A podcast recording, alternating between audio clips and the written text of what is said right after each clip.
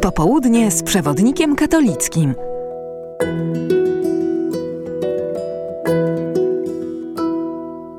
Ksiądz Wojciech Nowicki i Piotr Jóźwik.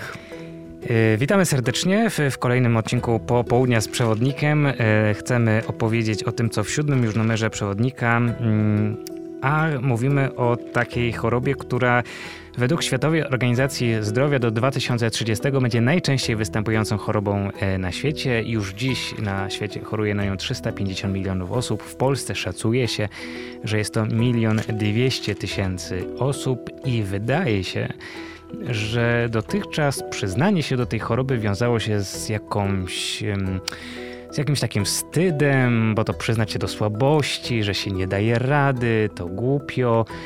Ale to się zmienia. Depresja, bo nie mówię. Mm, ja jestem pod wielkim wrażeniem w ogóle, że te statystyki to zostały zacytowane z głowy.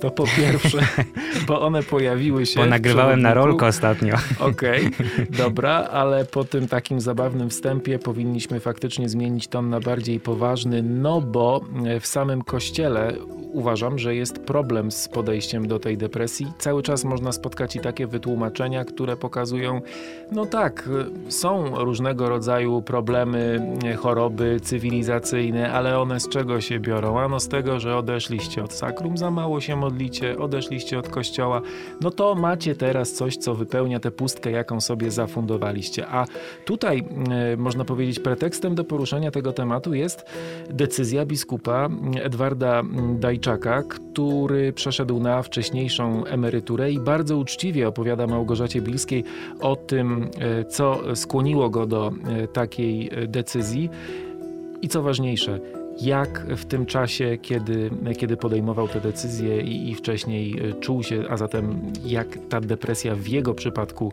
wyglądała. No mnie przede wszystkim um, uderza taka, taka duża odpowiedzialność tego człowieka, który e, mówi tak, że w zasadzie został mu chyba rok do, do emerytury, więc tak naprawdę no, mógłby jakoś tak brzydko tak mówiąc dociągnąć, dociągnąć. Tak? No, no, no, nikt by pewnie nie zauważył, że coś jest nie tak, ale uznał, że w duchu odpowiedzialności to nie jest tylko rok, to jest aż rok, który powinien zostać e, dobrze e, wykorzystany. Więc to jest taka pierwsza rzecz, która. I, i dodajmy odpowiedzialności za kościół mu powierzony, ale też odpowiedzialności za własne zdrowie, bo on to bardzo y, ładnie podkreśla, że z jednej strony, no właśnie, jako biskup ma odpowiedzialność i nie może jakby być tym, który no, z powodu swojej choroby będzie teraz hamował różne rzeczy, a z drugiej strony no, jest też odpowiedzialny za siebie i no właśnie, zdrowie dzisiaj nakazuje mu zadbać o siebie i odpocząć. Tak, i on właśnie też bardzo mocno akcentuje ten rozdział e, dwóch porządków. Z jednej strony duchowego, z drugiej strony psychicznego, bo nie jest prawdą, że e, w zasadzie nic kwestia wiary nie ma do tego, jak się czujemy. Tak, to jest ważne, ale to nie, są, to nie jest sfera albo albo, tak? To są sfery, które równorzędnie e, funkcjonują, jak mówi biskup Dajczak. Mm, cały czas jest w kościele taka, taka postawa, no idź się pomódl, na pewno będzie lepiej, Bóg pomoże. No i to prawda, mówi biskup, Bóg pomaga, modlitwa jest ważna, ale nie mylmy tych dwóch e, porządków. Bardzo, bardzo ważne e, przesłanie, próba przyjrzenia się poważnemu problemowi, z którym tak naprawdę będziemy mieli jeszcze więcej kłopotu. On dotyka ludzi w przeróżnym wieku, ludzi w różnej sytuacji, mieszkających i w mieście, e, i, i na wsi. Naprawdę nie ma co tego bagatelizować, warto się temu przyglądać, warto reagować ale nie w taki sposób, że wypocznij, idź, trzeba, trzeba walczyć dalej, tak? No nie rozczulaj się nad sobą, tylko w zupełnie, w zupełnie inny sposób. Jak? To też można znaleźć w naszym temacie numeru. Ty wspomniałeś, że y, kwestia takiego przyjęcia, powiedzmy w kościele kogoś, kto choruje na depresję, to, to jest jedna rzecz, ale jeszcze mamy y, całe y, spektrum sytuacji, które y, prowadzą y, do depresji. Oczywiście jest to choroba, więc tak prawdę powiedziawszy, są różne czynniki, które powodują, że ktoś na tę chorobę zachoruje. No ale jednym z takich czynników niestety to są sytuacje, które, których można byłoby uniknąć, jak na przykład przepracowanie. I to świetna jest rozmowa tutaj z siostrą zakonną, Agnieszką Fortuną, która jest też psychoterapeutką. I która właśnie mówi, że ciągle jeszcze taki jest mit, że właśnie dobra siostra to jest taka zapracowana, może nawet przepracowana siostra, nie? Czyli tak już kończy dzień, pada na twarzy, to widać, że się oddała, nie? I, i, i to obserwujemy dzisiaj. Może też trzeba dodać do tego, że w jakimś sensie jesteśmy słabszym pokoleniem, choć jeśli dotykamy danych statystycznych, to w tej chwili, y, przynajmniej w Polsce, y, bo Narodowy Fundusz Zdrowia y, zaktualizował w styczniu dane, to najwięcej osób choruje to jest tak po 50, 50 tak, czyli 50 i 60 latkowie. Aczkolwiek coraz więcej osób wykupuje dzisiaj leki antydepresyjne poniżej 18 roku życia. Więc y, trudno powiedzieć, że to jest tak, a bo to młode pokolenie, pokolenie płatków śniegu, tak?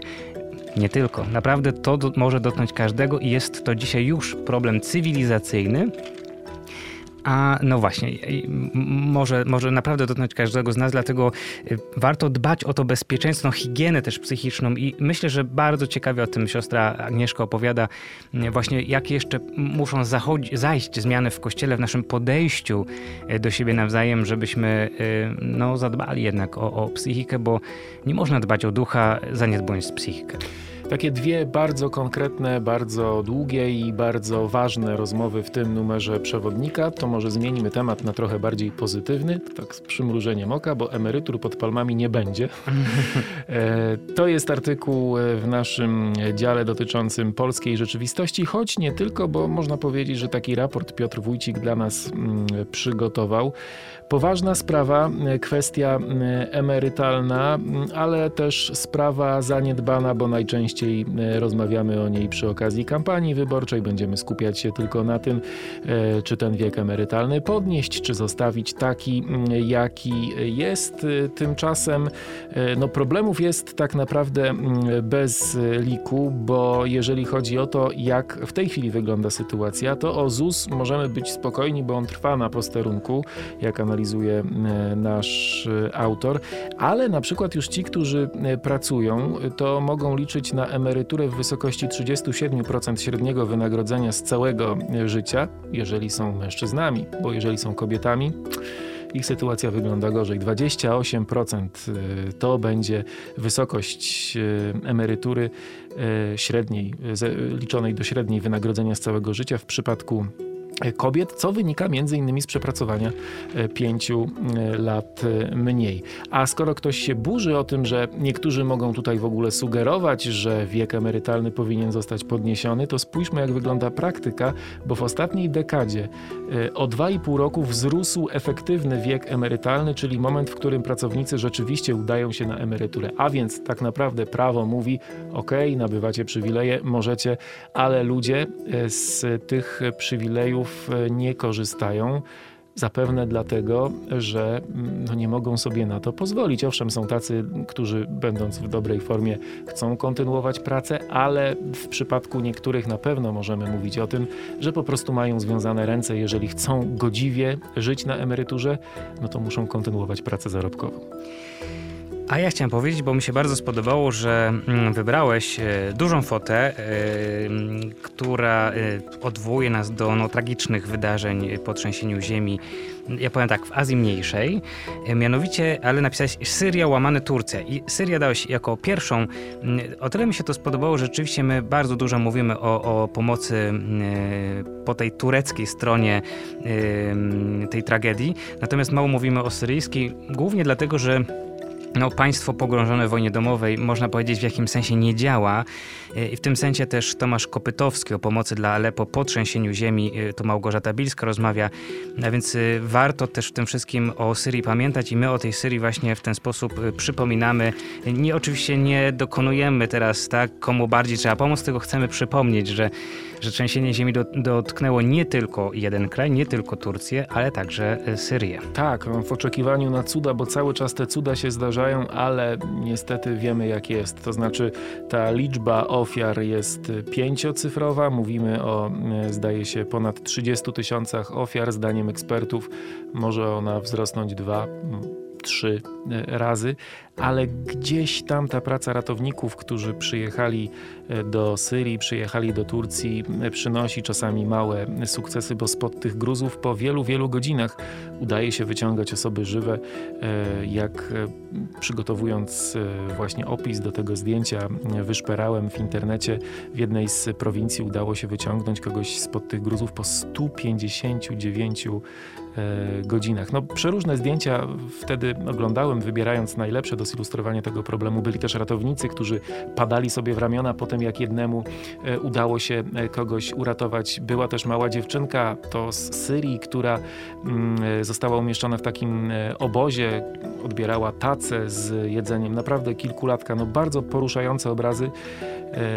Ale też bardzo żywa reakcja świata. To znaczy, naprawdę powiedzmy sobie otwarcie, że, że praktycznie większość tych państw wysłała swoją pomoc tam, żeby, żeby e, właśnie ratować co się da, pomagać tym, którzy e, przeżyli i też, co tu dużo mówić, no, wygrzebywać ciała tych, którzy zostali pod tymi ruinami e, pogrzebali. No, niesamowita, niesamowita tragedia.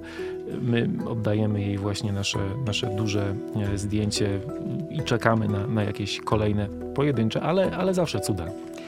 To może na koniec jeszcze takie zaproszenie. Mm, zaproszenie w miejsce, które jest e, z jednej strony dobrze znane, myślę, a z drugiej strony możemy odkryć e, zupełnie nowe oblicze tego miejsca, a myślę sobie o Castel Gandolfo, czyli letniej rezydencji e, papieży, choć już niedługo, bo y, właściwie po tym jak papież Franciszek y, chyba nigdy nie był w Castel Gandolfo, nie? Tak mi się wydaje.